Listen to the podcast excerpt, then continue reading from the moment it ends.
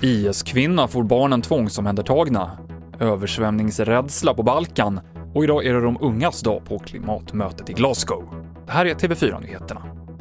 En kvinna i Östergötland som reste till IS i Syrien 2015 har fått fyra barn tvångsomhändertagna enligt LVU, det rapporterar nyhetsbyrån Siren. Det här eftersom hon allvarligt brustit i omsorgen av barnen när hon tog dem till ett krigsområde. Hon är även misstänkt för krigsbrott.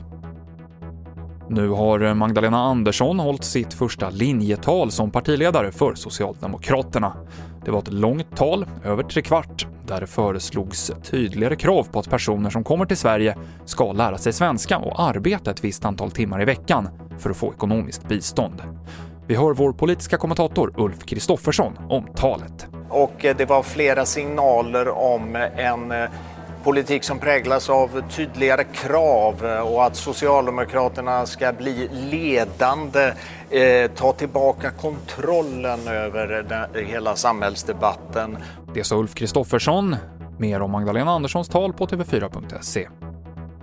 På klimatmötet i Glasgow ska idag tusentals unga aktivister demonstrera under en tre timmar lång protest som börjar nu klockan 12. Och under eftermiddagen ska bland andra Greta Thunberg hålla tal. Översvämningar i Bosnien har lett till att skolor håller stängt idag och att dussintals har fått evakueras från sina hem utanför huvudstaden Sarajevo. Det började regna igår kväll och väntas hålla på till söndag och det finns oro för att det ska bli lika illa som under rekordöversvämningarna 2014 då över 80 människor dog på Balkan.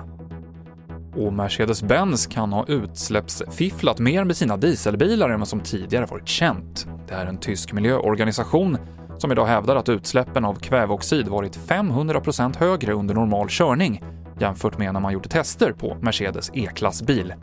Den så kallade Dieselgate började rullas upp kring Volkswagen 2015, men sedan dess har fler biltillverkare blivit indragna. Mer nyheter finns i appen TV4 Nyheterna. I studion Mikael Klintevall.